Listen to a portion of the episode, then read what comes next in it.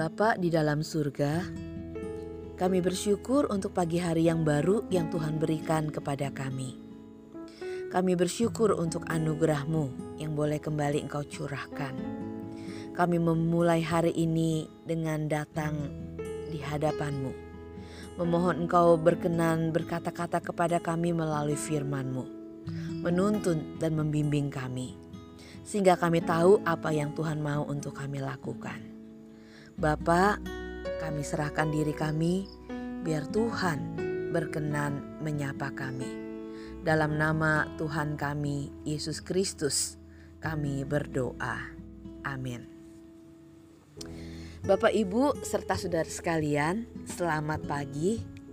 Renungan pagi ini diambil dari Imamat pasal yang ke-12 ayat yang pertama sampai dengan ayat yang ke-8.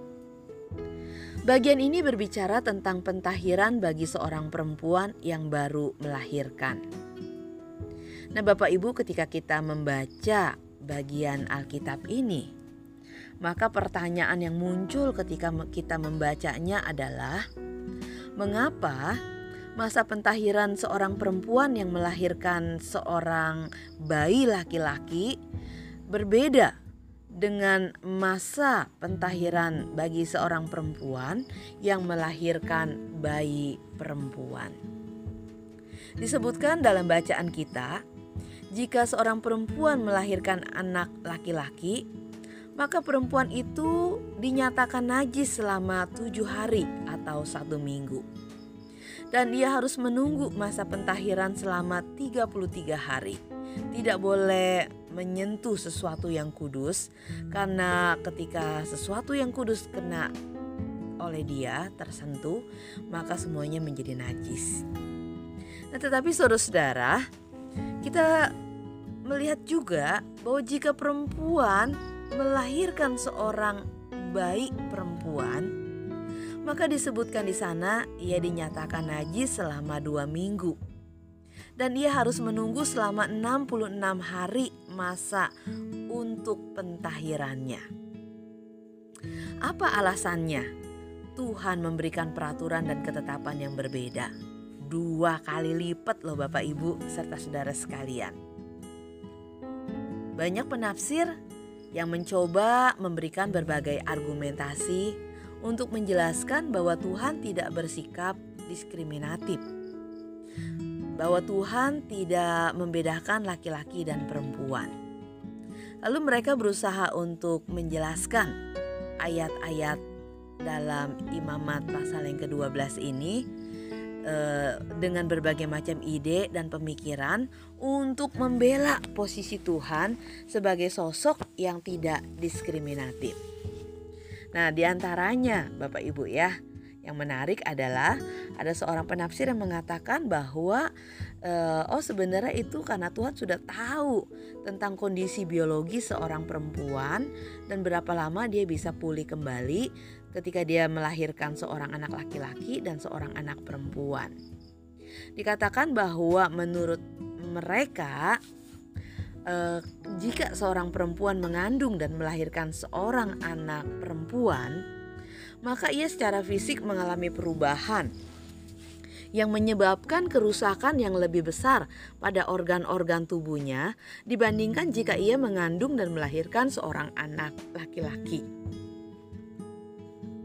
Tapi saya tidak dapat mengatakan bahwa pemikiran ini e, benar adanya. Kenapa? Karena belum ada penelitian yang dapat membuktikan kebenarannya. Nah, Bapak Ibu, kalau begitu, gimana dong? Apakah betul Tuhan itu bersikap diskriminatif, membedakan laki-laki dan perempuan? Maka, satu hal yang sudah pasti kita tahu bahwa firman Allah yang dituliskan menjadi Alkitab yang kita baca hari ini itu disampaikan di tengah-tengah konteks masyarakat yang menganut budaya patriarkal yang umumnya menempatkan laki-laki sebagai yang lebih utama, lebih berharga, lebih mulia. Maka di tengah-tengah masyarakat yang seperti itu, jika seorang perempuan tidak bisa melahirkan atau mandul, maka para perempuan itu akan disebut sebagai perempuan yang punya aib.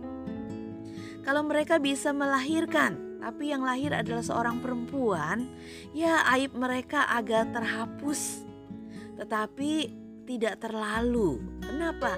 Karena perempuan itu tidak punya nama atau tidak bisa membawa nama keluarga dari ayahnya. Maka di sini kita lihat digolongkan sebagai sebuah aib juga. Aib kalau punya anak perempuan. Nah, berbeda kalau punya seorang anak laki-laki. Karena laki-laki itu langsung dipandang dan disebut sebagai apa? Anak panah gitu ya. E, yang mengisi tabung panah seorang laki-laki. Lebih berharga, lebih penting lebih bernilai. Lalu, kalau begitu, apakah dengan memberikan ketetapan dan peraturan yang seperti ini berarti Tuhan pun setuju dengan budaya di tengah-tengah masyarakat yang lebih mengagungkan laki-laki dan merendahkan perempuan? Saudara-saudara, Bapak Ibu sekalian, tunggu dulu, jangan cepat-cepat kita mengambil kesimpulan. Karena ternyata kalau kita baca dengan hati-hati, dengan lebih teliti, maka kita lihat justru lewat Imamat 12 ini Tuhan sedang mengoreksi mengoreksi satu pemikiran yang ada di tengah-tengah masyarakat yang lebih mengutamakan laki-laki dibanding perempuan.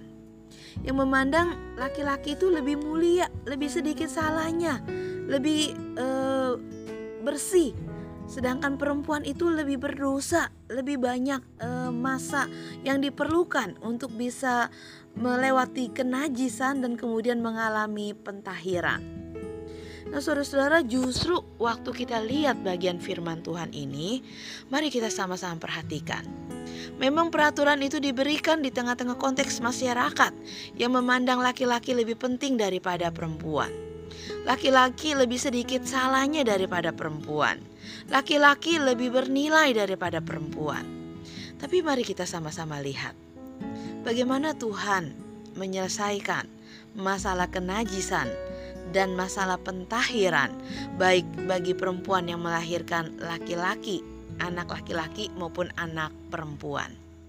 Kalau kita lihat dan perhatikan, maka di sana disebutkan bahwa kurban persembahan untuk pentahiran dan untuk e, menyatakan bahwa mereka memang sudah lepas dari kenajisannya, kita lihat ada beberapa jenis kurban yang berbeda.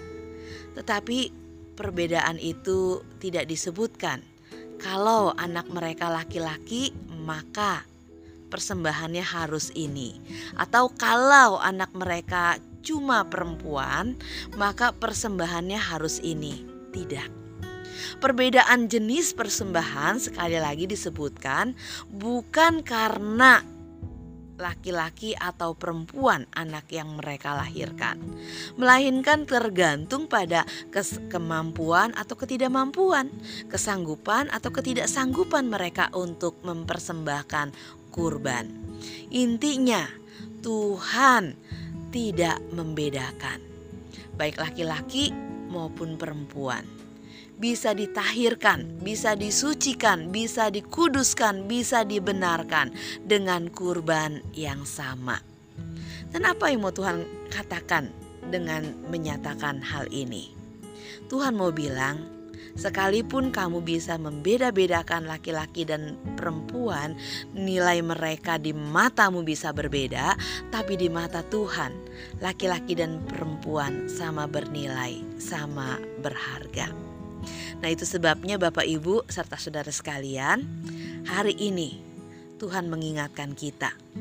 Jika masih ada di antara kita yang suka membedakan anak kita karena mereka laki-laki atau perempuan, Lalu kita lebih mengutamakan mereka yang laki-laki dan mengabaikan yang perempuan. maka ketahuilah bahwa Tuhan justru memandang mereka semua sama berharga.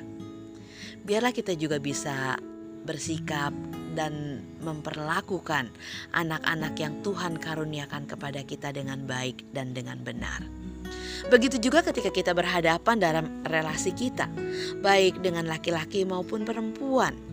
Biarlah kita boleh belajar untuk menaruh hormat yang sama terhadap mereka, karena untuk menebus mereka, Kristus yang sama mati tergantung di atas kayu salib untuk laki-laki dan perempuan. Kiranya Tuhan menolong setiap kita bisa memandang sesama kita dengan cara yang benar. Amin.